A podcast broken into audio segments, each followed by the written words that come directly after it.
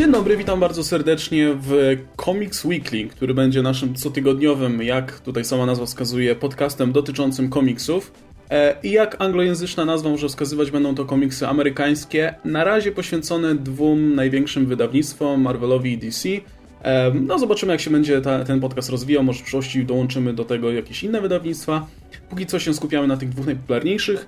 Celem tego podcastu, takim nadrzędnym, jest to, byście po wysłuchaniu mieli mniej więcej, mogli się zorientować, jak aktualnie wygląda dane uniwersum komiksowe, czyli ta audycja jest niejako przeznaczona dla dwóch grup, dwóch grup osób. Po pierwsze takich, którzy komiksów nie czytają aktualnie, ale chcieliby się zorientować, co się dzieje, e, i po drugie takich, którzy czytają i chcą po prostu podyskutować sobie potem w komentarzach na przykład e, na, tem na tematy, o których tutaj rozmawiamy. E, w związku z tym będą spoilery, ostrzegamy od razu. Nie będziemy się tutaj specjalnie tutaj kryć z tymi spoilerami. E, no i cóż, ten pierwszy odcinek będzie takim lekkim wprowadzeniem, pomówimy sobie ogólnie o tym, jak uniwersa Marvel i DC teraz wyglądają. E, natomiast jeśli chodzi o kolejne odcinki, to liczymy tutaj na Was, że możecie nam podrzucać tematy. Jeśli coś Was interesuje w danym uniwersum komiksowym, nie krępujcie się, dajcie znać, o czym chcielibyście, byśmy porozmawiali w kolejnych odcinkach. Oczywiście formuła podcastu będzie się tam jakoś rozwijać i zmieniać. E, będziemy możliwe dodawać inne segmenty, e, no, inne wydawnictwa, może dorzucimy seriale czy coś innego, zobaczymy. Póki co zaczynamy tutaj od małych kroczków i mam nadzieję, że będzie Wam się podobało. Moimi gośćmi e, dzisiaj i myślę, że na stałe, możliwe, że jeszcze właśnie inni goście będą dołączać e, w kolejnych odcinkach, mam nadzieję. Póki co e, mam ze sobą e, Adama Tolskiego, czyli Ankon Mrówek. Możecie googlować tutaj ten nick e, albo wyszukiwać na YouTubie, e, tudzież Facebooku. Hej. I Oskara Rogowskiego, którego z kolei możecie wyszukiwać pod nickiem Komiksomaniak616. Cześć. E, no i to są, jak pewnie się domyślacie, e, eksperci, jeśli chodzi o uniwersum DC i Marvela. I właśnie o tym sobie teraz porozmawiamy. I e, pozwolę sobie zacząć od DC, bo tak się składa, że po tym, po wystartowaniu inicjatywy DCU, ja się trochę od DC odbiłem. Większość tytułów mi się nie do końca podobała, ale to, co widzę aktualnie, trochę mnie zaintrygowało. Przede wszystkim event, który rozpoczął się dość niedawno, który się zwie Dark Side War. Tak. I teraz, Adam, jakbyś mógł wyjaśnić nam w miarę tutaj krótko, o co tak naprawdę chodzi e, i, i na czym ten event polega. To znaczy, cały event zaczął się bardzo banalnie, do tego stopnia, że jeśli czytałeś, bo wychodziły obok siebie JLA, Hitcha i e, Justice League, e, to mogłeś autentycznie mylić sobie wydarzenia z każdego komiksu, bo bardzo podobnie przebiegały do siebie. E, Darkseid zaatakował Ziemię, Kolejny raz. Niespodzianka. Kolejny raz. No I, e, I oczywiście nasi dzielni herosi muszą wyjść naprzeciw. Co się dzieje naprawdę ciekawego później, i w tej chwili jak gdyby mamy tego konsekwencje, to to, że Darkseid umiera. Znowu, kolejny raz. Co, co, jest unikalne tym razem, to to, że e, superbohaterowie poszczególni przejmują moce nowych bogów. Nowi bogowie to jest taka rasa w uniwersum DC dla wszystkich, którzy nie wiedzą, i to jest właśnie Darkseid, Orion. I, i, i te wszystkie właśnie takie boskie istoty, stworzone zresztą przez Jacka Kirby'ego. I na przykład e, Batman zyskuje moce Metrona i siedzi na Mobius Chair, dzięki jest, posiada źródło y, wszelkiej mądrości. E, Flash stał się uosobieniem śmierci. E, Superman dostał w sumie najgorzej, bo Superman po prostu zmienił się w negatyw. Dosłownie chodzi jak, jako negatyw z kliszy. I, i jest wściekły, i jest bucem. I, i, I jeśli ktoś. To zdaje się, że Superman 4. Superman się zmienia w buca i jest idealna kalka sceny w barze w komiksie. E, czy. Ja mam takie pytanie właśnie, bo, no. bo mnie, to, mnie to zainteresowało, bo to zbiera strasznie, strasznie dobre opinie. E, mhm. I, I czy, czy tobie też się ta seria podoba? To znaczy, na po, po, sam początek trzeba, przez niego trzeba przebrnąć, bo jest autentycznie banalny, jest taki maksymalnie kliszowy, ale później, w momencie, kiedy już ten główny zwrot fabularny e, się odbędzie, kiedy wreszcie ci superbohaterowie zaczynają przejmować te nowe moce, robi się naprawdę ciekawie, bo te wszystkie moce zmieniają superbohaterów w jakiś sposób i jak gdyby są dla nich takim inne, wyzwaniem innego rodzaju. A czy im się niż... zmienia jakoś osobowość? Tak, bardzo. E, szczególnie na przykład, to znaczy nie tyle zmienia im się osobowość, co są jak gdyby badane ich takie wrodzone wady. Jak na przykład u Batmana to jest taka paranoja i taka chęć kontroli wszystkiego. W momencie, kiedy siada na tym krześle Mobius, staje się absolutnie, kompletnie paranoiczny, bo i ma ku temu powody, bo słyszy myśli wszystkich ludzi dookoła. I e, ciekawe, najśmieszniejsze jest dla mnie to, że Hal Jordan, który przez e, większość, wiesz, większość historii uniwersum DC był naj, najgorszym człowiekiem, jaki mógł tylko istnieć, naprawdę nieźle wypada na tym tle. Gdzie jako jedyny tak prawie od razu jest w stanie odrzucić te nowe moce. E, on zyskuje moce Darkseida. tak przy okazji. E, I e, jest naprawdę bardzo ciekawie przedstawiona e, intryga. Dlatego, że jak gdyby nie ma takiego. W momencie, kiedy umiera Darkseid, przez nie ma już takiego złoczyńcy stricte.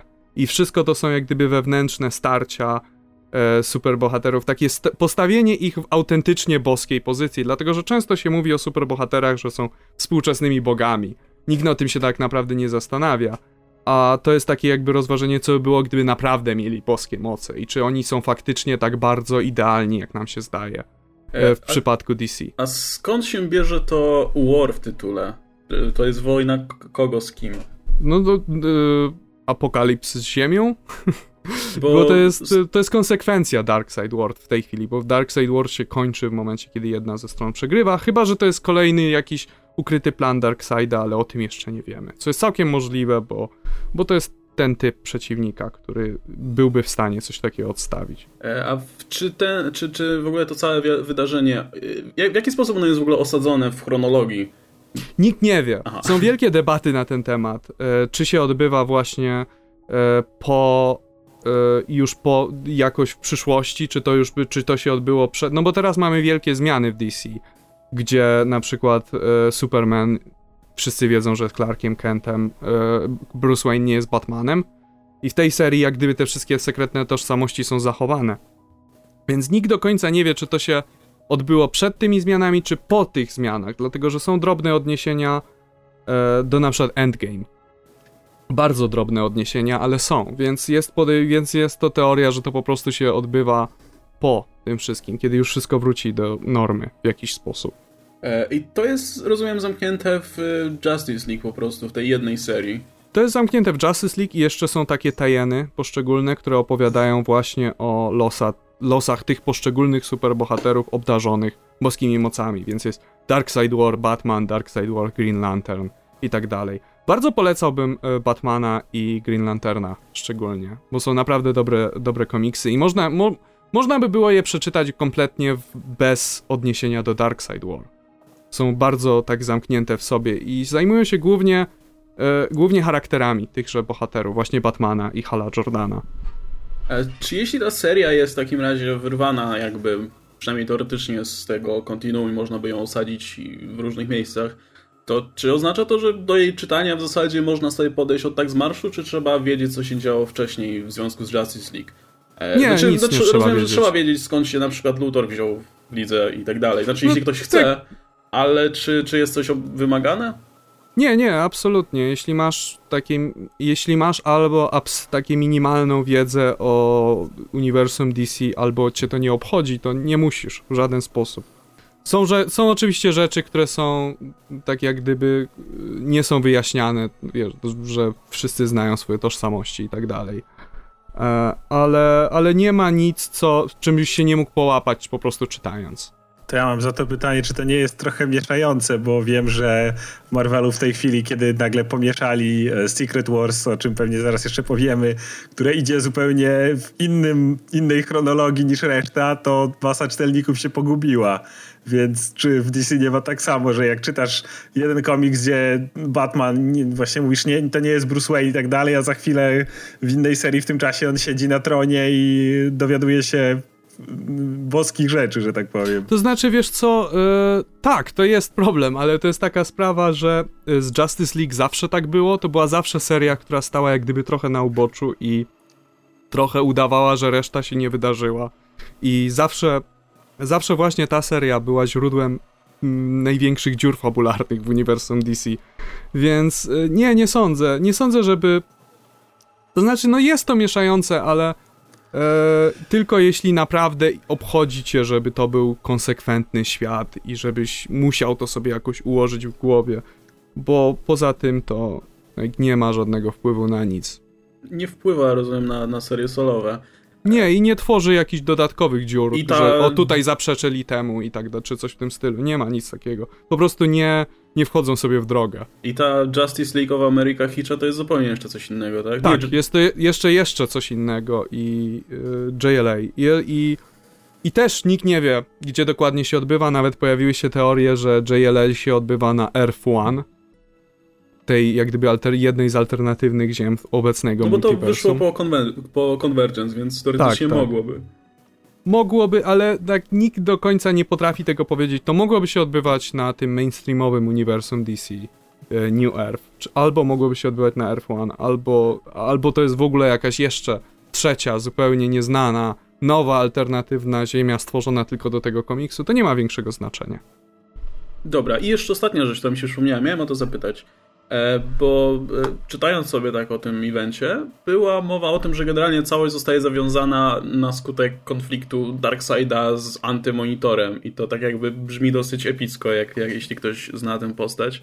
E, nie wspomniałeś do tej pory ani słowem o antymonitorze, więc czyżby nie grał tam zbyt dużej roli w tym? Nie, gra tam bardzo, jest to żart. Antymonitor w tej serii to jest żart i używa, jest, ja odnoszę wrażenie, że go, bo to mógł być kto, ktokolwiek inny W tej historii, więc odnoszę wrażenie, że po prostu wstali tam antymonitora, żeby teasować fanów, że o, antymonitor.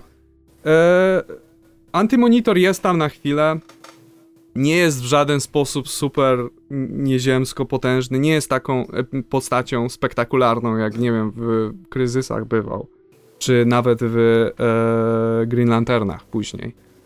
Jest naprawdę zagrany tak bardzo, po, po minimalnej linii oporu. No i dobra, to w takim razie, jeśli nasi słuchający mają jakieś pytania odnośnie te, te, tego eventu, no to oczywiście zachęcam do zadawania ich w komentarzach. Natomiast jeśli już Oskar przy, tutaj e, przytoczył temat Secret Wars i tego, jak generalnie i cał, te, całe wydarzenie, które miało posprzątać e, Marvela i całe te Marvelowe kontinuum zrobiło jeszcze większy burdel, no to możemy przejść do tego tematu e, w miarę płynnie. E, bo tak się składa, że ostatnio składając zamówienie zorientowałem się, że znowu nam przesunęli Secret Wars i seria, która miała wyjść zdaje się w grudniu ostatni hmm. zeszyt, teraz wychodzi na początku stycznia, ostatni, dziewiąty zdaje się zeszyt. E, I robi się coraz większy bałagan, bo pojawi, pojawiły się już w październiku nowe serie osadzone tak jakby w nowym uniwersum po zakończeniu Secret Wars. Eee, więc pytanie, kiedy to się wreszcie skończy? Myślę, że to jest wynik tego, że po prostu Esa Tribicz nie nadąża z rysowaniem tego i po prostu kiedy on coś zrobi, to oni już to wydają? Czy jak? Bo, bo ten, e, to opóźnienie naprawdę dużo szkodzi tej serii. Jeszcze na początku myślałem, że okej, okay, że to jest przyczyna, ale teraz to się tak już rozjeżdża i oni, wydaje mi się, że przygotowali się na te pierwsze opóźnienie, bo te wszystkie pierwsze serie, które wyszły w październiku, tak tylko bardzo delikatnie zahaczały o temat Secret Wars. Generalnie było mówione, że no, coś tam się pewnie stało, ale no, bez jakiegoś większego wchodzenia w to. Ale im dalej idziemy i to opóźnienie się zwiększa, tym kolejne serie coraz bardziej tego dotyczą. Nie wiem, czy czytałeś najnowszego Silver Surfera, czyli ostatniego mm, Silver Surfera, nie, ostatniego nie, nie, w tym wolu tam jest dosłownie w pewnym momencie taki moment, że dzieje się coś wielkiego i wyskakuje jest tylko dopisek, żeby dowiedzieć się, dlaczego to się stało. Przeczytaj Secret Wars odcinek dziewiąty. I mieliśmy dopiero siódmy, tak, tak do wyjaśnienia. I to jest, to jest coś naprawdę ogromnego, jeżeli kojarzysz Silver Surfera, który ma niby odbudowywać ten tak, wszechświat. Tak, pod koniec jego no serii była mowa o tym, że, że oni będą odbudowywać wszechświat, mają do tego tak. materiał i, i będą to robić. Tak, to tam jest taki dosyć, nie nazwałbym tego jakimś wielkim spoilerem, ale dzieje się coś naprawdę sporego i to jest naprawdę dziwne po prostu, że jest dopisek, ej, ale jak chcesz dokładnie wiedzieć, dlaczego tak jest, to sięgnij po ten komiks, który nie wyszedł jeszcze i nie wiemy, kiedy wyjdzie. E, I teraz w ostatnim, przynajmniej w tym ostatnim zeszycie, w Secret Warsach jesteśmy na etapie, gdzie Doom się zaczął orientować, że wszyscy się zwracają przeciwko niemu, bo ci herosi, którzy trafili do, na Battle World i biorą udział w Secret Warsach, ci, którzy istnieli w uniwersum Marvela, kiedy jeszcze istniało, zaczęli, zaczęli robić te pierwsze kroki, żeby tam go obalić. E, Thory się zwróciły przeciwko niemu i tak dalej. E, I jak myślisz, słuchaj, jak się może, może w takim razie to Secret Wars skończyć? Jakiś, mm, czym, czym, czym może się w ogóle to całe, ten cały event skończyć? Bazując też może trochę na tym, co wiemy już teraz z nowego uniwersum. No tak jak wspomniałem w ostatnim Silver Surferze, Aha. był dosyć spory hint do tego, co tam właściwie się stało. Ale możemy e... mówić, możemy mówić spoilery, więc zdrać, bo ja na przykład no nie dobra. czytam Silver Surfera więc i jeśli idea... kogoś to obchodzi, to niech przewinie do przodu czy coś. E, idea w Silver Surferze była taka, że on razem z tą swoją towarzyszką niczym Dr. Who wyleciał poza znany nam multiversum i to, to było zrobione w ten sposób, że wszędzie jest biało, bo są jakieś takie nicości i tam się pojawiła taka postać Glorian, The Miracle Maker, Shaper of Words, yy, raczej takie mniej znane postacie o jakichś tam kosmicznych mocach i oni zaproponowali surferowi, żeby, ponieważ on był jest tym, który podróżował po całym wszechświecie, to widział wszystko, więc żeby pomógł im odbudować wszechświat i stworzyć niejako nowy. No i oni go sobie od... Aha, i jeszcze w tym nicości on znajduje postać Eternity. Dla osób, którzy nie wiedzą, Eternity to taka, taki byt kosmiczny, który jest uosobieniem wszystkiego, co jest. Takie, taka generalnie e, uosobienie wszechświata. No i e, Eternity mia, miało na sobie, nie, normalnie to jest taka sylwetka wypełniona gwiazdami i planetami. A teraz była cała czarna i miała tylko jeden ten Battle Wardzik w środku i maskę doktora Duma, tak jakby, ponieważ on jest władcą wszechświata obecnego, on jest tym, co jest, więc Eternity jakby przyjmuje jego wygląd. Więc y, kiedy surfer już odbudowuje ten świat i na końcu dochodzi do takiego momentu, że oni muszą zdecydować, czy faktycznie wybrać ten świat, który de facto oni sami stworzyli, więc wprowadzili do niego pewne poprawki, na przykład Silver Surfer pozbył się Galactusa, no bo trochę mu zawadzał. Czy to było tak, że on mówi, nie, nie, on powinien zostać i tak dalej, a potem się zorientował, mówi, nie, nie, jednak nie, jednak wywalimy go. Tak, i, i odbudował wszystkie planety, które Galactus kiedykolwiek zjadł. No i jak już mają się zdecydować, nagle e, pe, pęka maska doktora Duma na tym drugim Eternity, bo ma jakby ten świat i ten drugi i, i nagle wychodzi z Eternity i mówi, jestem wolny. E, I co się stało? No, e, wreszcie się wyswobodziłem, więc pytają, ale czy to jest ten sam świat? On mówi bardzo, bardzo jasno, tak i nie. Y, że jest to ten sam, ale jednak pewne zmiany zobaczycie. Tak wiesz, dosłownie, tak jakby oni wam nam chcieli powiedzieć, będą retcony. I generalnie no, dosłownie jest pokazane, że maska Duma pęka i Eternity się uwalnia z tego, więc no, można zakładać, że jest to jakieś takie odniesienie do tego, że na końcu właśnie e, stary wszechświat zostanie przywrócony po prostu z małymi korektami a Doom upadnie. A myślisz, że e, upadnie, czy, czy że może się sam podda? No bo wiadomo, że to zmierza wszystko w kierunku konfrontacji Rida z Doomem, tak? No, to tak jakby od tak. początku tej serii widać. E, bo ja bym chciał na przykład, żeby Doom sam ustąpił i stwierdził, że no jednak to kiepsko mu to wyszło, więc, więc się wycofuje. Nie tym razem. Poprzednie Secret Wars w dużej mierze. No dlatego, myśl, dlatego spodziewałbym się właśnie, że, że, że będzie tutaj jakaś analogia do tego. Gdybyśmy mieli fantastyczną czwórkę teraz na Ziemi, bo znowu dla osób, które nie wiedzą obecnie, e, los Rida Richardsa, Susan, czyli jego żony, a także a ich dzieci jest nieznany. Tak, parę, parę postaci po prostu zniknęło i nie wiadomo, co się z nimi dzieje. E, I gdyby to było tak, że Reed jest teraz na Ziemi, to jeszcze bym założył, że Doom się poświęcił, ale ponieważ go nie ma, no to zakładam, że jednak on nie wiem, został gdzieś, żeby upewnić się, że Doom upadnie. No, ale więc... Doom jest nowym uniwersum, bo Doom się pojawia zupełnie z nienacka w tak, tak, tak. drugim czy pierwszym, pierwszym zeszycie Ironmana, swoją drogą bardzo dobrego, dobrej serii. E, jest rewelacyjny. I pojawia się bez maski i wyglądając całkiem nieźle. Chociaż hmm. nie wiadomo, czy to jest powiedzmy, nie jest jakieś, jakaś, jakieś znaczy pułapka, czy coś w tym stylu.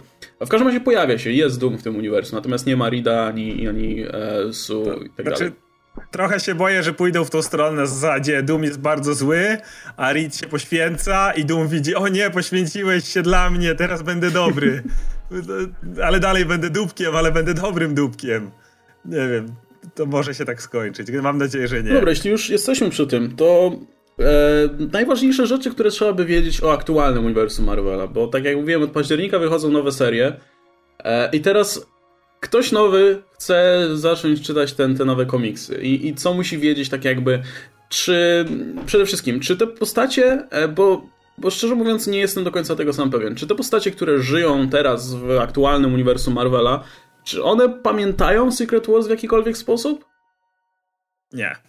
Absolutnie nie i nawet y, moment, w którym, wiesz, może się nagle zdarzyć, że ktoś pamięta, nie? Ale generalnie znaczna większość populacji nie ma pojęcia o żadnym Secret Wars i oni nawet nie pamiętają. Wiedzą, że był dzień, w którym miała miały zderzyć się Ziemię, wiedzą, że był dzień, w którym miał nastąpić koniec świata i poza tym, ale co się dalej stało, to jest takie, takie wszyscy mają mgliste pojęcie, jakby nagle zbiorowa amnezja, multiwersowa amnezja i świat się nie skończył. I to jest tyle wiedzą te postaci. I tylko niektórzy superbohaterowie, którzy brali udział w Secret Warsach pamiętają to. To nie jest też powiedziane. Do tej pory nie pojawił się, nikt nie dał znać, że wie i pamięta cokolwiek, nawet z tych którzy faktycznie... To ciekaw jestem w takim razie, jak na przykład rozwiążą to, że nagle się znikąd pojawił Miles Morales w uniwersum i e, czy jego rodzina się też tutaj pojawia na przykład? Miles w tym tygodniu wychodził, czy jakoś niedługo wychodzi? Nie, chyba jeszcze. W każdym razie jakoś niedługo wychodzi. Mam nadzieję, że to jakoś tam będzie powiedziane, no bo to jest najciekawsza sprawa z tym Milesem, bo on w zasadzie jako jedna tak. z naprawdę niewielu, e, niewielu rzeczy, powiedzmy, elementów z uniwersum Ultimate trafił do tego mainstreamowego teraz. E, no jestem ciekaw w takim razie wyjaśnią to, że nagle się pojawia postać znikąd w świecie, który de facto z perspektywy osób, które już tutaj żyją, nigdy się nie skończył. Z Milesem jest w ogóle taka ciekawostka, że oni dali nam na razie go w trzech miejscach w sumie, e, a i za każdym razem bardzo mocno podkreślali, on jest tutaj obcy, on, on nie jest tutaj od zawsze, on jest kimś nowym, on, y, my go nie znamy, czyli ewidentnie to nie była jakaś fuzja E, świata Ultimate i 616, e, tylko bierzemy świat 616 i wrzucamy do niego Milesa, który jest tutaj kimś zupełnie nowym. Chociaż on sam mówi, że ma już doświadczenie, czyli on pamięta to, co było wcześniej. Także to będzie bardzo nagmatwane, jak on tu się znalazł. Albo, albo będzie bardzo proste, czyli y, y, ziemie miały się zderzyć i moja zniknęła, a ja zostałem tutaj. Tyle. To mi bardzo przypomina rzeczy, które się w DC działy po wszystkich kryzysach.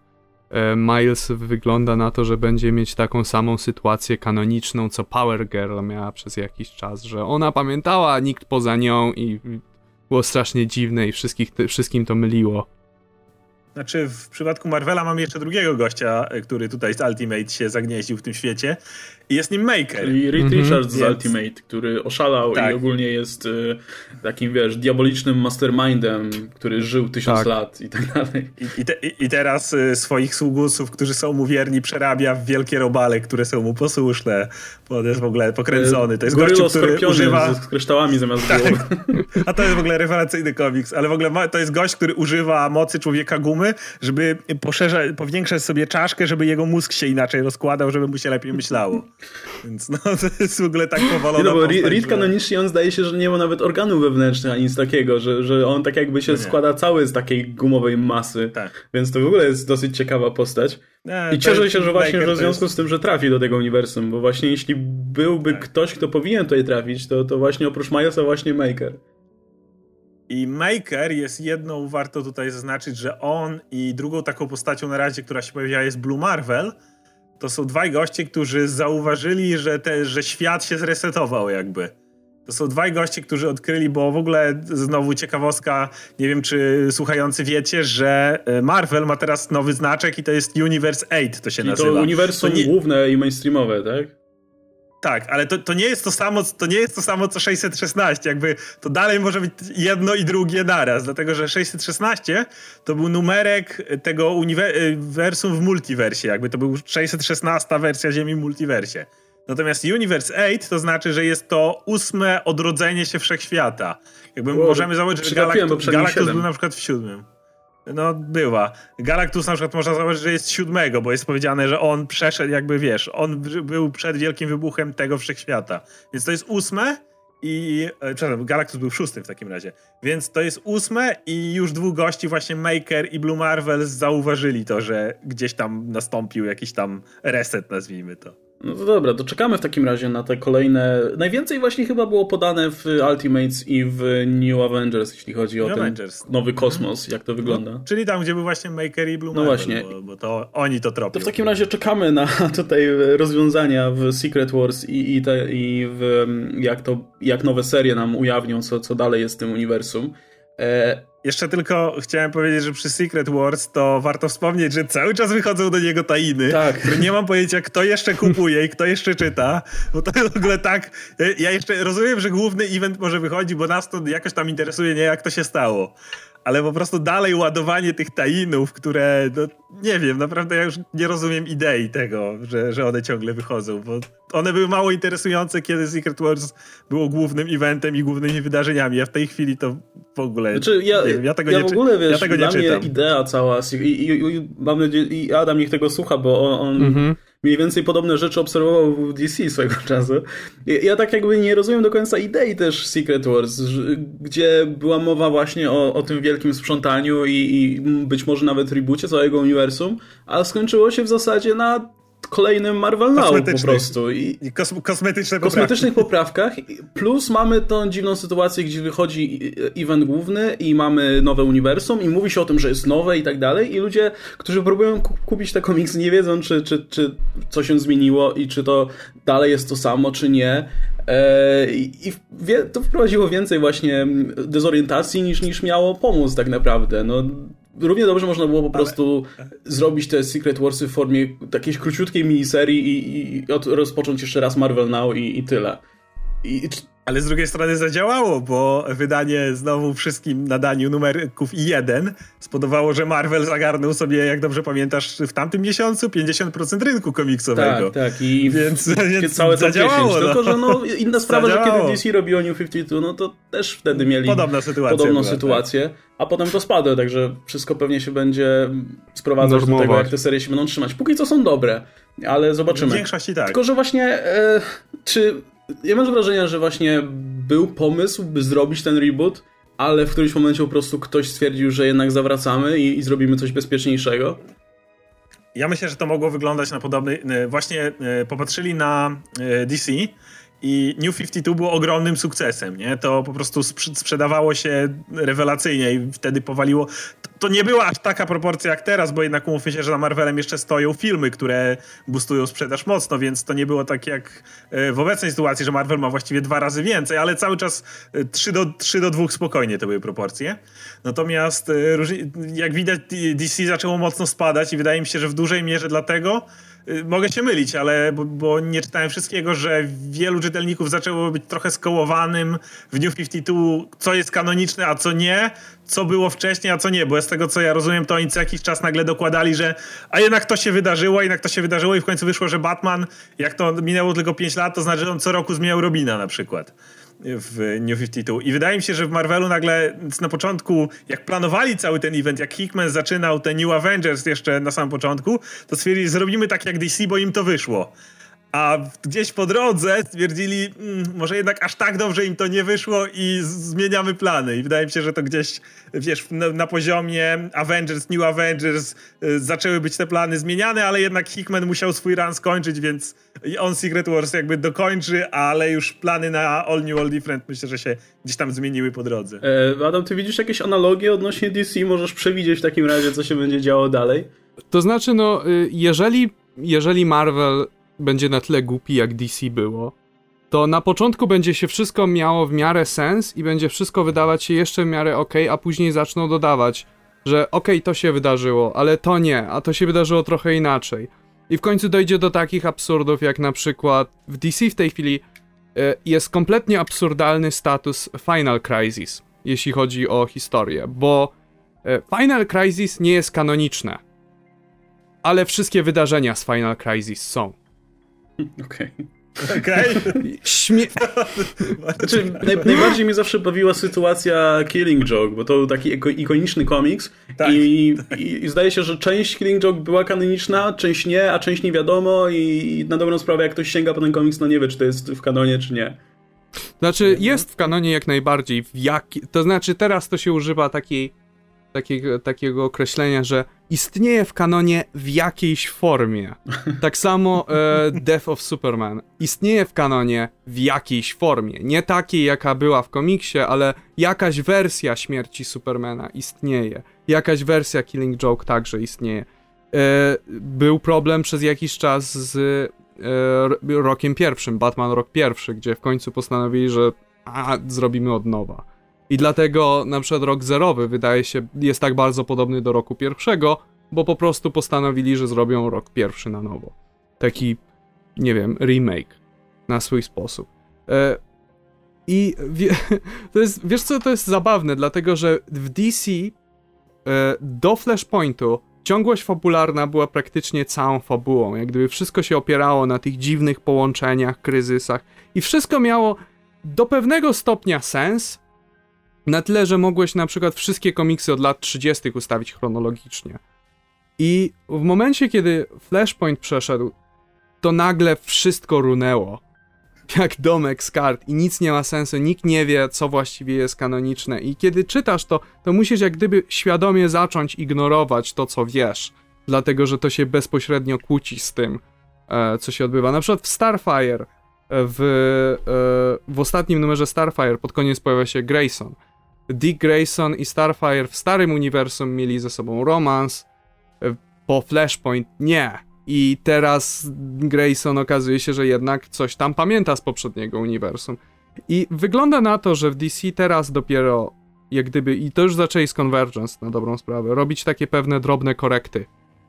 Co, y, co się wydarzyło, co się nie wydarzyło, jak gdyby tworzyć to na nowo na przykład e, Batman Eternal, teraz Batman and Robin Eternal, jest platformą do wrzucania rzeczy sprzed Flashpointu, których nie było do tej pory. Na przykład Cassandra Kane jako e, Bat Robin, czy, czy Stephanie Brown jako spoiler. Czy w Marvelu przynajmniej jest o tyle, jest o tyle lepiej, że tak jakby nie ma problemu z myśleniem, co było, co jest kanoniczne, a co nie jest, bo, no bo de facto wszystko jest dalej. Tak jakby tak był ten dziwny event, ale dalej tak jakby wszystko się toczy tak, jak się toczyło do tej pory. E, poza tym, że komuś tam się zmienił, zmienił wszechświat w międzyczasie. E, ale czy jakbyś teraz na przykład ocenił reboot, to New 52 z dzisiejszej perspektywy w kontekście tego, czy to był dobry pomysł, czy zły, jeśli chodzi o samą, powiedzmy, ciągłość fabularną i tak dalej, bo mówię, że są problemy, no ale czy powiedzmy dla przeciętnego czytelnika komiksów, czy to nie było jednak dobrze, że dostał tak jakby serię zupełnie od nowa i, i nie musiał się tutaj kłopotać z tym całym continuity i tak dalej? To znaczy, no widzisz, problem z continuity jest taki, że ona zawsze jest i zawsze narasta i po prostu po jakimś czasie się budzisz z tym samym problemem. Przez jakiś czas Marvel to miał z serią Ultimate, że Ultimate, Ultimate, nie wiem jak to się czyta, ale miał ten problem, że na początku to była, prawda, świeże uniwersum dla zupełnie nowych, nie muszą się przejmować całym tym bagażem wszystkich historii, ale po jakimś czasie ten bagaż po prostu wyrósł. Więc e, DC e, New 52 było przedstawione na początku jako e, to samo, co było do tej pory, po prostu skompresowane w 5 lat. I wszystkim to się bardzo podobało, bo to wyjaśnia bardzo wiele rzeczy. Batman się nie, nie musi starzeć i tak dalej. I no tak, wynika z tego śmieszne rzeczy, takie jak to, że e, Batman co roku zmieniał Robina i tak dalej, ale, ale pomagało to jak gdyby.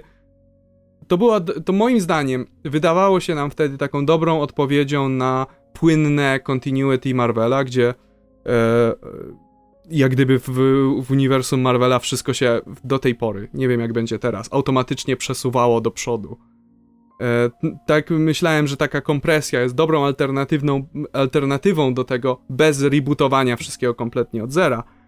Ale postanowiono zrobić trochę zmian przy okazji i postanowiono zrobić trochę więcej zmian później i jeszcze więcej, i jeszcze więcej i teraz nic nie ma sensu w rezultacie.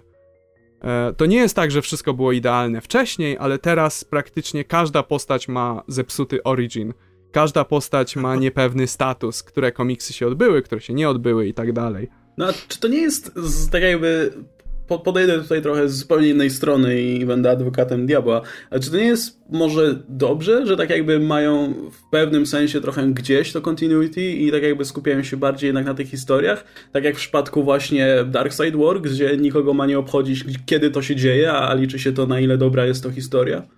To znaczy, no to ma swoje plusy i minusy, dlatego że e, jedną z rzeczy, które wiesz, wielu fanów DC lubi, to jest rzecz, którą jest jak gdyby w fandomie trochę kultywowana, to jest właśnie takie gigantyczna, kosmiczna ciągłość, która wiesz, że można było przeciągnąć y, przez y, linię historii od pierwszego komiksu z Supermanem do dzisiaj, przy, tylko musiałeś przez kilka kosmicznych wydarzeń przejść i tak dalej. I to bardzo wielu ludzi przyciągało do tego. Teraz to jest takie, teraz to dużo straciło uroku swojego. Oczywiście ma to swoje zalety. Jedną z tych zalet jest to, że teraz się dużo mniej przejmują tym i na dobrze to wychodzi. Ale z drugiej strony, pomyśl o tym w ten sposób, że jeśli na przykład czytałeś, e, czytałeś jakąś postać przez szereg lat i masz już ustanowione, wiesz, o niej wyobrażenie pewne, to nagle się dowiadujesz, że to nie jest kanoniczne i to nie jest kanoniczne. I musisz mieć dodatkowy wysiłek, żeby sprawdzić na Wikipedii czy gdzieś, co jest obecną, w cudzysłowie, prawdą, a co nie o danej postaci, to trochę cię wyrywa z tego świata, to trochę cię wyprowadza z tego, e, e, z, z, takiej, z takiej jakby błogiej nieświadomości e, i z takiego zawieszenia niewiary, szczególnie, że nadal komiksy się odnoszą do tych wydarzeń sprzed Flashpointa, tym samym zmuszając nowych do tego, żeby sięgać do tam, tamtych komiksów. Więc jest taki bardzo spory dysonans poznawczy. No i w pewnym stopniu DC próbowało to naprawić e, Convergence, tak? Gdzie, mhm. gdzie teoretycznie te światy poprzednie dalej gdzieś tam istnieją. Może nie w tym samym uniwersum, co, co tam mainstreamowe, mainstreamowy świat, ale gdzieś tam dalej. E, czy w ogóle DC wykorzystało to od czasu końca Convergence w jakikolwiek, w jakikolwiek sposób? No tak, przede wszystkim są dwie serie w tej chwili: Lois and Clark i Telos. I Telos opowiada o tym głównym złoczyńcy e, z Convergence, który teraz poszukuje swojej rodziny. To praktycznie nie ma żadnych konsekwencji dla reszty komiksów. To jest taka e, miniseria opowiadająca stricte o nim i o Brainiaku.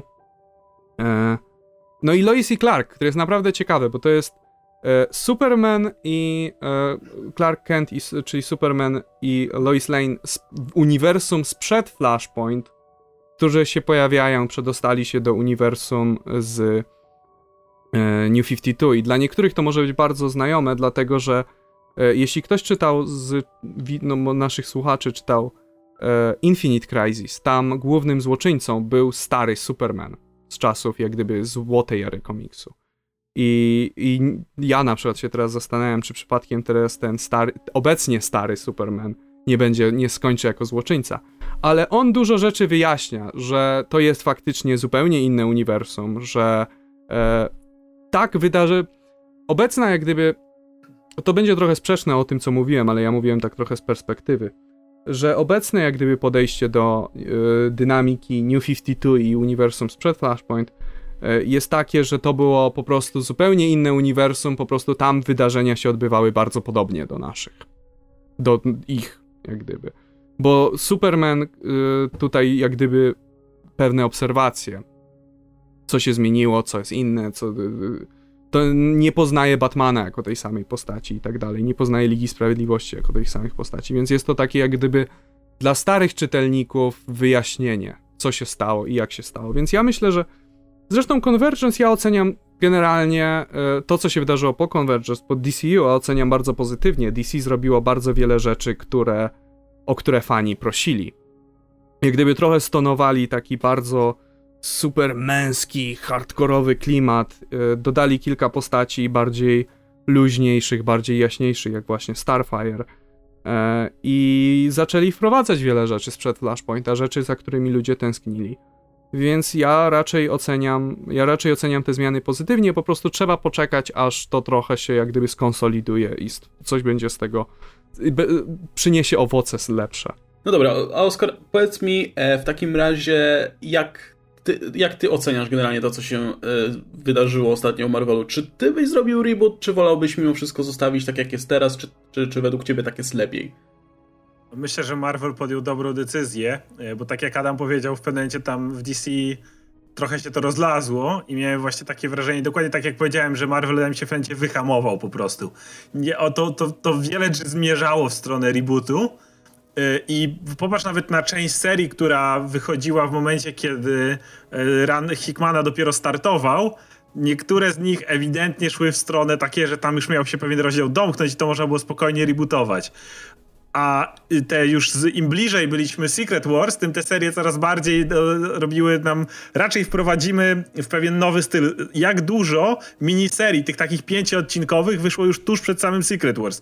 Chociażby Ant-Man Spencera, e, Angela Queen of Hell. Wszystkie te serie zostawiły taką otwartą furtkę, więc wydaje mi się, że to była jednak decyzja na późniejszą chwilę.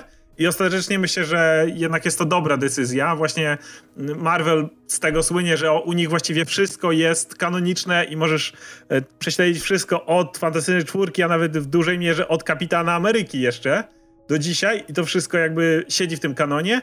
Aczkolwiek no, nie przesadzajmy, że oni nic nie zmieniają, bo Ma Marvel ma taki styl takiego powiedzmy chirurgiczne, chirurgicznego retconu, nazwijmy to bo jednak sporo postaci miało przez czas retcony, Beyonderzy, o których wspominaliśmy. Oni przez lata nie mogli od tego Beyondera z lat 80., który pojawił się w Secret Wars, nie mogli ustalić, kim on właściwie jest, bo to jest tak super potężna postać, jego origin to tam się zmieniał pięć razy. Teraz dostajemy całkiem niezły retcon w przypadku Star-Lorda, nie wiem, czy czytałeś najnowszy odcinek, gdzie chcą trochę zamieszać w jego originie i według mnie bardzo słusznie, bo motyw kosmicznego policjanta, który dostał mocy od Boga Słońca w latach 70. troszkę się zestarzał, umówmy się. Bardziej, że Więc na dobrą ten... sprawę nikt ze współczesnych, znaczy no nikt, ale masa ludzi doszła do Guardiansu ze względu na film i tak na dobrą sprawę tak. nie pamięta, co, się, co, co, co było z tymi postaciami tak. kiedyś tam. Także te, te chirurgiczne e, poprawki będą, które mi absolutnie, nie przeszkadzają, ale myślę, że właśnie ucząc się, w ogóle Marvel jest w tej e, wygodnej sytuacji, że jest jednak dużo młodszy niż DC i oni bardzo często mogli sobie trochę patrzeć na to, co DC robi i, i patrzeć, czy im to wyszło, czy nie i wtedy rzucać to u siebie. Więc wydaje mi się, że znowu mie mieli tą okazję, patrząc na to, jak im poszło New 52 i y, właśnie wyhamowali i ostatecznie podjęli decyzję, żeby nie resetować, a, a, część serii jednak puścić w ten sposób, że no umówmy się, sporo serii, które wyszło, bo na pewno nie wszystkie, ale spora część jest taka, że nowy czytelnik może po nie sięgnąć, jak chociażby Iron Man, jak chociażby Doctor Strange, czyli bardzo popularne e, postacie ze względu na filmy, to myślę, że to są komiksy, po które spokojnie nowy czytelnik może sięgnąć i się nie zgubi, Natomiast no, część poszła ciągnięta jest dalej zdecydowanie. No ja widziałem, że jest lekki problem ze Spider-Manem, że masa ludzi liczyła, że jednak e, bez czytania e, na bieżąco tej, tej serii będą mogli sięgnąć po ten pierwszy zeszyt i będą wszystko wiedzieć. I, i tak jakby mm. tą nową serię da się oczywiście czytać, ale jest tam jednak sporo elementów z poprzedniej, e, no z poprzednich inkarnacji powiedzmy. Ja myślę, że oni jeszcze podjęli e, taką decyzję finansową i popatrzyli na to, co da im więcej czytelników, bo jeżeli, e, zbyt mocny reset mógłby trochę wyalienować część e, czytelników obecnych.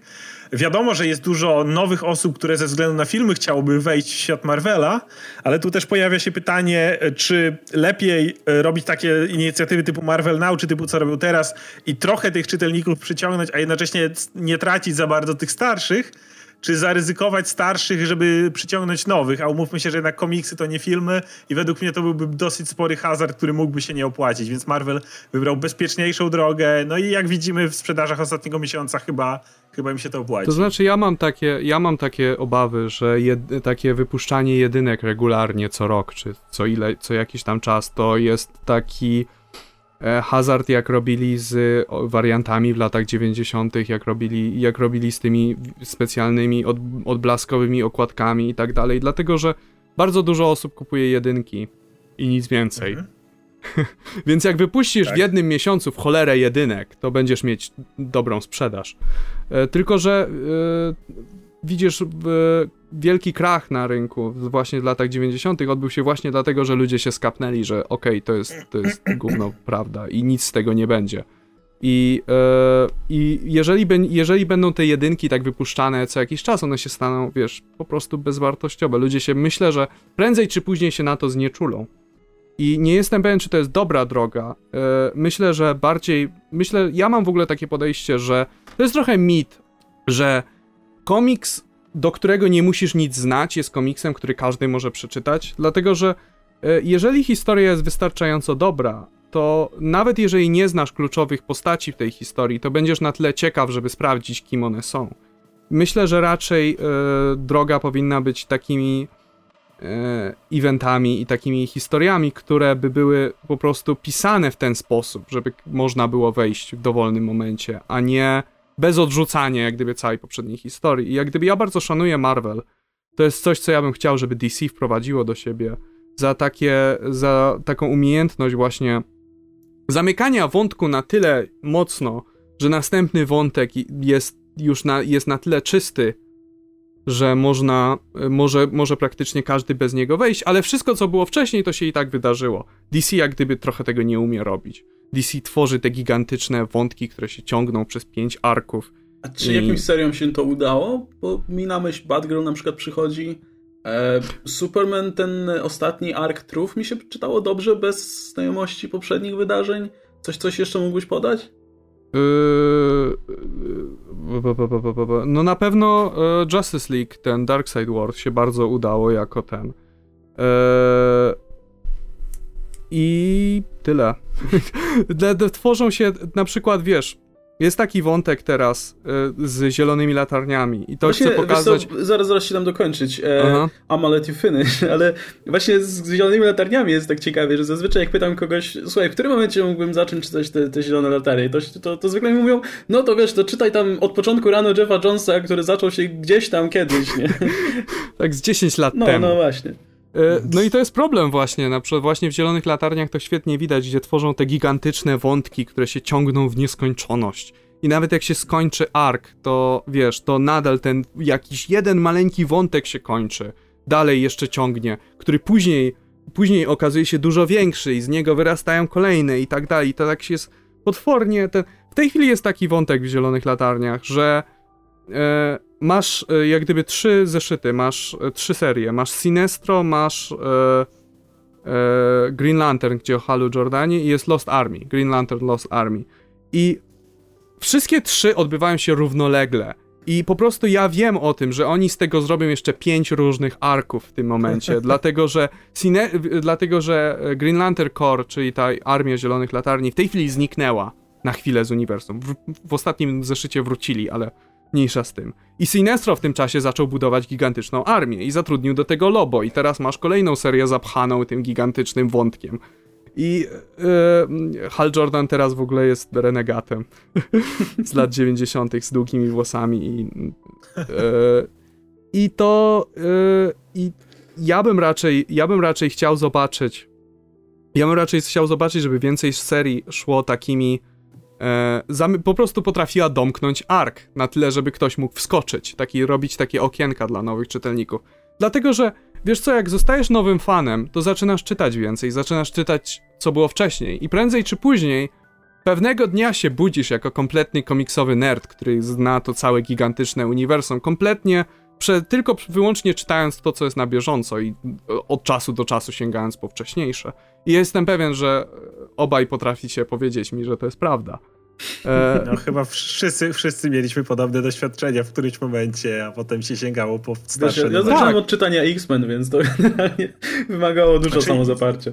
Ja zacząłem od Team Semika, ale potem ze względu na brak dostępu w Polsce wróciłem dopiero w okolicach waszego nielubianego, a ja przeze mnie lubianego może właśnie też sentymentem Ale Civil War, a potem dopiero cię zaczę... ja, Masa ludzi tak. zaczyna. Ja, ja, też A potem się zacząłem cofać, więc dokładnie to, co mówisz, to zdarza się, to właściwie każdy gdzieś tak wchodzi w komiksy. Ja jak gdyby zacząłem się naprawdę mocno wciągać w komiksy przy okazji Infinite Crisis, który jest zajebiście skomplikowane dla nowego czytelnika, ale było na tyle fajnie, ciekawie i napisane, że ja byłem ciekaw, o kim są ci ludzie, o czym oni mówią, czemu jest dwóch Supermanów czemu jest, czemu tutaj, o kim mówi Batman w tym momencie i tak dalej i zacząłem jak gdyby grzebać.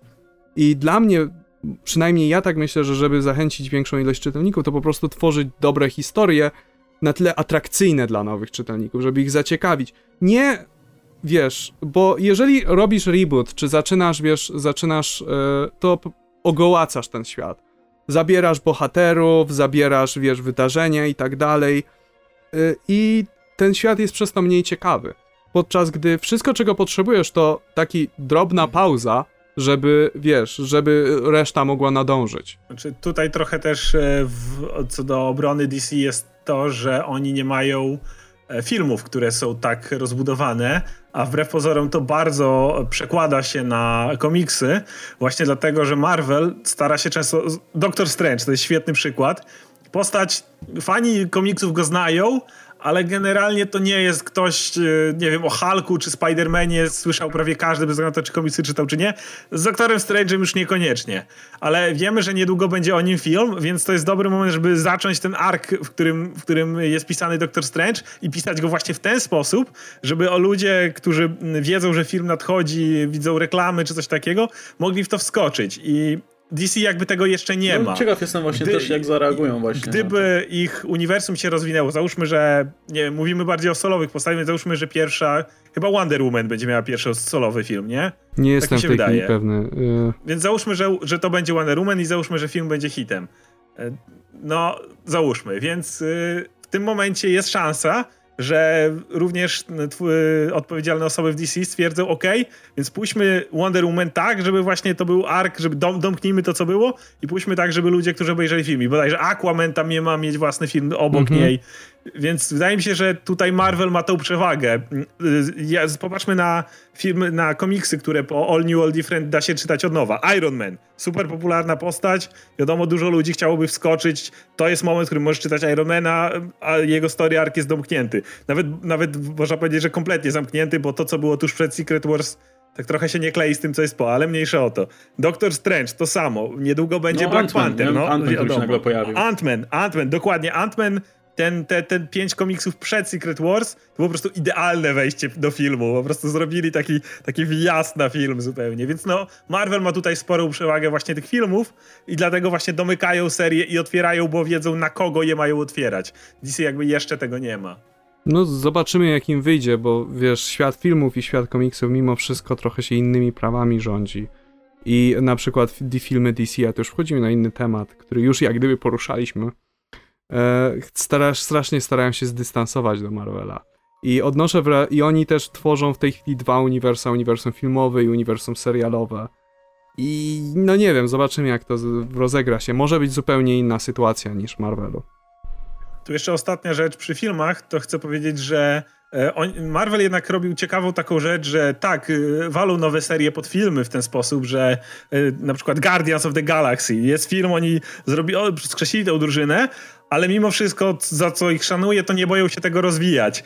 Gdyby ktoś wziął dzisiejsze Guardians of the Galaxy, te, które wyszło w All New, All Different Marvel. Thingiem, Venomem. Thingiem, Venomem, tak. Kitty Pryde i bez Star-Lorda. Kitty, Kitty Pryde jako Star-Lord to by się kompletnie nie wiedział o co chodzi, ale oni już mieli ten moment. Jakby zrobili to, tą serię w Marvel Now, tutaj wchodzicie, jeżeli yy, oglądaliście film i wam się podobał, a my dalej już idziemy mm, jak chcemy, że tak powiem. To jest według mnie... E, ale o tym, o tym myślę, że można pomówić przy następnej okazji, dokładnie przy następnej okazji, bo myślę, że akurat kwestia tego, jak postacie aktualnie wyglądają w komiksach względem tego, jak mogą być kojarzone z no, takiego ogólnego pojęcia, a także filmów, to też jest dobry temat do rozmowy. E, ale tam się powoli kończy czas, więc myślę, że można to zostawić na następny, następny odcinek. I na sam koniec jeszcze, tak bardzo wyrywkowo, e, chciałbym, żebyście polecili jeden komiks, który aktualnie czytacie, może nie dzisiaj, ale ogólnie powiedzmy ostatnimi czasy, który moglibyście polecić, który jest warty polecenia. Jeden tytuł. Jeden tytuł, który ja bym bardzo chciał polecić, to jest z zeszłego tygodnia, zdaje się. E, Superman The American Alien. To jest pierwszy zeszyt, wyszedł niedawno. To jest taki e, origin story dla Clarka Kenta. Wyłącznie dla Clarka Kenta. E, Superman jest. E, to jest jeden z tych komiksów, który stara się przedstawić Supermana przede wszystkim jako Clarka Kenta, a Superman to jest przebranie dla niego. I to e, pisał Max Landis. Nie wiem, czy kojarzycie go. On jest reżyserem filmowym, scenarzystą filmowym, przepraszam was. I on jest dosyć znany w fandomie Supermana. On jest, on jest jednym z tych ludzi z Hollywood, który cały, który podobnie jak Kevin Smith cały czas gadał o Supermanie. Jak przy każdym wywiadzie, czyś mówi, że kocha Supermana i tak dalej. Napi- zrobił nawet jeden. E, znajdźcie na YouTubie e, Max Landis Death of Superman. On zrobił taką parodię jak gdyby krótką narrację całego arku śmierci Supermana, która jest naprawdę fantastyczna. I ktoś w DC musiał zauważyć, że on się naprawdę zna na Supermanie. I mu dali po prostu zeszyt. On to reklamuje jako anty-All-Star Superman. Nie na tej zasadzie, że e, American Alien jest dla Clarka Kenta tym, czym All-Star był dla Supermana. I ja się w dużej mierze tym zgadzam. Przynajmniej po pierwszym zeszycie jest to naprawdę urocza historyjka, która właśnie opowiada o takim, przynajmniej w pierwszym zeszycie będzie, y, jest o takim dziecku, które po prostu nagle odkrywa te niesamowite moce. I powiem wam szczerze, że gdyby tak wyglądała pierwsza połowa Man of Steel, ten film byłby tak 9000 razy lepszy. Ja natomiast w ogóle jestem zdziwiony, że to mówię, ale bardzo poleciłbym y, komiks, który czytałem w ostatnim tygodniu, czyli Thor. To jestem w ogóle zdziwiony, bo mm, końcówka poprzedniego ranu Thor kiedy zmienił się Thor i tajemnicza kobieta podniosła młot, średnio przypadło no mi do to gustu. To była historia, gdzie Oni... w zasadzie cała się opierała na tym, że nie wiemy, kto jest Torem. Dokładnie. Plus był taki Całą... bardzo toporny, bardzo taki mało subtelny przekaz feministyczny, który naprawdę raził. Ja bardzo lubię tego typu e, motywy w komiksach, ale tutaj to było po prostu nieznośne. I całe, chyba to było 7 numerów, zostało napisane wszystko oparte na to, kim, trzymamy czytelnika tylko tajemnicą, kim jest ten, ta nowa Thor. Więc kiedy wyszedł w tym tygodniu pierwszy numer z All New All Different Marvel, ja bardziej sięgnąłem po niego z musu, ponieważ opisuje te komiksy jeszcze e, nowe serie. I bardziej z musu sięgnąłem, no bo numer pierwszy, no to już będę czytał wszystkie numery pierwsze, ale niczego większego się nie spodziewam.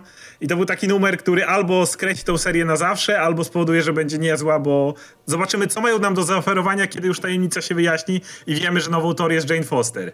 I byłem tak niesamowicie pod wrażeniem tego odcinka. Z jednej strony pokazuje, jest, skupiamy się wreszcie na Jane Foster, a nie tylko tajemniczej Thor i to jak ona e, przechodzi tą chemioterapię swoją, co jest naprawdę nieźle pokazane. A z drugiej strony dostajemy tak dużą część tego, tego loru asgardzkiego, którego w sumie tak dawno w Marvelu nie było. On się gdzieś tam tylko obijał w serii, na, nawet w serii Go, Thor God of Thunder nie wchodzili mocno w ten lore asgardzki, bardziej w takie jakieś dodatkowe e, elementy. A tutaj naprawdę uderzyli z grubej rury, pokazali nam te dziewięć królestw, jakąś radę, która między nimi trwa, jak wygląda sytuacja polityczna w samym Asgardzie, to, że Odyn zamknął się tam w swojej fortecy i zrobił takie państwo policyjne trochę i to, że nowa Tor jest wyjęta spod prawa i to tak dobrze mi się czytało, a było to dla mnie dużym zaskoczeniem, bo dla mnie to była tylko historia, weź pierwszy numer, przeczytaj i odrzuć na półkę, a wiem, że teraz będę to czytał. Plus jeszcze, bo też właśnie czytałem ten zeszyt i też mi się strasznie podobał, plus świetny był w ogóle motyw z y, chorobą Jane, e, tak, bardzo tak. poruszający. Może nie będę mówił nic więcej, żeby właśnie nie zepsuć, samego czytania, ale bardzo taki ludzki, bardzo taki poruszający wątek, no świetnie się czytało, fakt. No i dobra, to jeszcze może w takim razie ja coś podam. I, i widzę, że podajecie same jedynki e, i to takie, które powiedzmy są trochę niespodziewane, nie są to jakieś tam powiedzmy pierwszoligowe tytuły. E, więc ja tak myślałem, czy, czy nie podać może Antmana, albo Squirrel Girl, albo nie wiem, e, Kapitana Ameryki nowego. Ale stwierdziłem, że nie. Ja, ja bym polecił Herkulesa, pierwszy, pierwszy zeszyt, bo to jest rzecz, którą też sięgnąłem e, po prostu z ciekawości. No, no Herkules. Nie przypominam sobie, żebym kiedykolwiek czytał komiks o Herkulesie. On się oczywiście tam pojawiał tu i tam, ale solowej serii nigdy nie czytałem. No i wziąłem ten zeszyt i był świetny, bo, bo to portretuje Herkulesa, tego oczywiście mm, e, herosa mm, greckiego lub rzymskiego, który się posługuje swoim rzymskim imieniem. E, który, który próbuje zrobić krok do przodu. E, I on chce być herosem, który idzie z duchem czasu, więc zostawia tę swoją e, taką antyczną zbroję, używa nowoczesnej technologii i mieszka w takim nędznym mieszkaniu razem ze swoim kochankiem, zdaje się. Z, z kim on mieszkał? Z Gilgameszem, właśnie. który, który siedzi na kanapie, jest takim po prostu, wiesz, couch potato. No ale sam Herkules jest tak fajną postacią, postacią. No i, i, i myślę, że na komiks też będzie trochę te, te całe lore Herkules, Herkulesa, tam jego właśnie taką mityczną, e, antyczną część rozbudowywał, więc, więc gorąco polecam, naprawdę, jeśli... To jeszcze tylko szybko powiem co do Herkulesa, to yy, w ogóle Gilgamesz, to bardziej chodzi o to, że Herkules już jakby poszedł do przodu, a Gilgamesz jakby jeszcze nie. Natomiast według mnie co, co najlepiej opisało ten komiks, to chyba była ostatnia strona, kiedy Herkules biegnie do portu zatrzymać wielkiego potwora, który właśnie atakuje port i w jednym ręku trzyma buzdygan, a w drugim jakiś karabin maszynowy. Tak. I to jest takie po prostu idealna esencja tego komiksu. Tak, on ma zbrojownię w domu i tak dalej. No, to jest świetny pomysł właśnie. Bohater, który się wydaje takim właśnie już już przeżytkiem, który chce właśnie zrobić krok do przodu i być tutaj, e, stanąć w jednym szeregu z innymi herosami współczesnymi. No i dobra, w takim razie na tym myślę możemy zakończyć. E, tak jak mówiłem, dajcie znać w komentarzach, jakie kwestie byście chcieli, byśmy o nich tutaj pogadali. E, niekoniecznie dotyczących tylko najnowszych wydarzeń. Myślę, że, że znajdziemy czas i na te, powiedzmy, ciut, ciut dalsze czasowo. aha, i jeszcze rzecz jedna, o której nie mogę zapomnieć, to to, że w przyszły weekend w sobotę w Poznaniu odbywa się w Bibliotece Uniwersyteckiej e, Comics Wars, czyli taki bardzo fajny, kameralny, komiksowy event, e, na którym też się tutaj zamierzamy kolektywnie pojawić. No i e, ja oczywiście będę tylko ładnie tam wyglądał, natomiast chłopaki mają tutaj prelekcję. O 13 jest Kosmos w DC Comics, który prowadzi Adam. Tak. Możesz wykorzystać czas, żeby zachęcić ludzi, żeby przyszli na twoją prelekcję. No to będzie takie krótkie wprowadzenie dla wszystkich, którzy są zainteresowani, jak sama nazwa wskazuje, kosmosem. Rozumiem, że to jest tym... tak w duchu Star Wars, że, że mamy Star Wars, to, to pogadamy tak, o tak. kosmosie, tak? W uniwersach komiksowych. No, yy, też o wszystkich, yy, wszystkich frakcjach, które odbyły w kosmosie, wszystkie te, yy, wszystkie te oddziały różnych latarni, o różnych planetach, koloniach Kryptonu, o nowych bogach i tak dalej, o tej róż całej mitologii i tym całym lore Także też starym i nowym. No i pozdrawiam oczywiście Weronikę, z którą będziesz współprowadził. Tak, chciałem też o e, tym powiedzieć, że Weronika... pewnie słucha. E, no i o 17 e, w, będzie prelekcja pod tytułem Nie tylko Nowy Jork, kto mieszka w kosmosie Marvela i którą będzie prowadził Oscar i czego się możemy spodziewać. Tak, chciałem tylko szybko powiedzieć, że to jest absolutny zbieg okoliczności niedawno. Że tam będziesz, tak? Nie, nie to, że je mamy prawie identyczne tematy, tylko Marvel i DC. Co ostatnio powiedziałem Adamowi o tym, że tak zupełnie przypadkiem będę mówił dokładnie o tym samym, tylko w kwestii Marvela, ale nie było to w żaden sposób e, wspólnie ustalane więc wielkie umysły myślą podobnie. I również zajmę się imperiami, które mnie zajmują e, kosmos Marvela, także tymi jak wyglądały wcześniej, bo ostatnio się trochę przerzedził, e, konceptami, jakimiś bytami kosmicznymi w rodzaju Galactusa. Chciałem powiedzieć po prostu o innych bohaterach, y, których może nie są tak dobrze znani, bo jednak wszystko w Marvelu skupia się w Nowym Jorku, a ja bym chciał właśnie pokazać, że jednak to też ma całkiem rozbudowane uniwersum kosmiczne, szczególnie pod względem tego, że tam jest cała masa takich politycznych zagrań i imperia, które ze sobą jakoś tam konkurują, a wręcz walczą otwarcie. To znaczy, u nas to trochę tak wyglądało, że się z Weroniką zastanawialiśmy pomiędzy kosmos w DC i multiversum, wieloświat DC i uznaliśmy, że kosmos DC to jest mniej roboty, więc po prostu stanęliśmy na tym.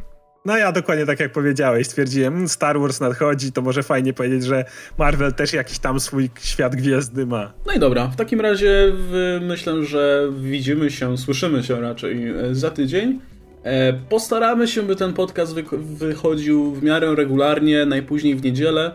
E, to myślę będzie zależało też, kiedy będziemy nagrywać. Możliwe, że w przyszłym tygodniu będziemy nagrywać wspólnie w Poznaniu, ale niekoniecznie, zobaczymy. E, no i tak jak mówię, forma tutaj będzie, myślę, ewoluowała. Możecie oczywiście zgłaszać uwagi co byście chcieli tutaj zmienić i tak dalej. Będziemy tego słuchać. E, no i co? Mam nadzieję, że spędziliście fajnie czas. Ja jestem Łukasz Stelmach i możecie mnie znaleźć na ikebot.pl i w takim razie dziękuję moim gościom. Hej, dzięki. to było niezręczne. Dziękuję. To inaczej, zrobimy inaczej. To tak. W takim razie dziękuję, dziękuję Adamowi za udział. Dzięki. Dzięki Oskarowi. Dzięki. I widzimy się w takim razie, czy słyszymy się za tydzień. Na razie. Hej. Cześć.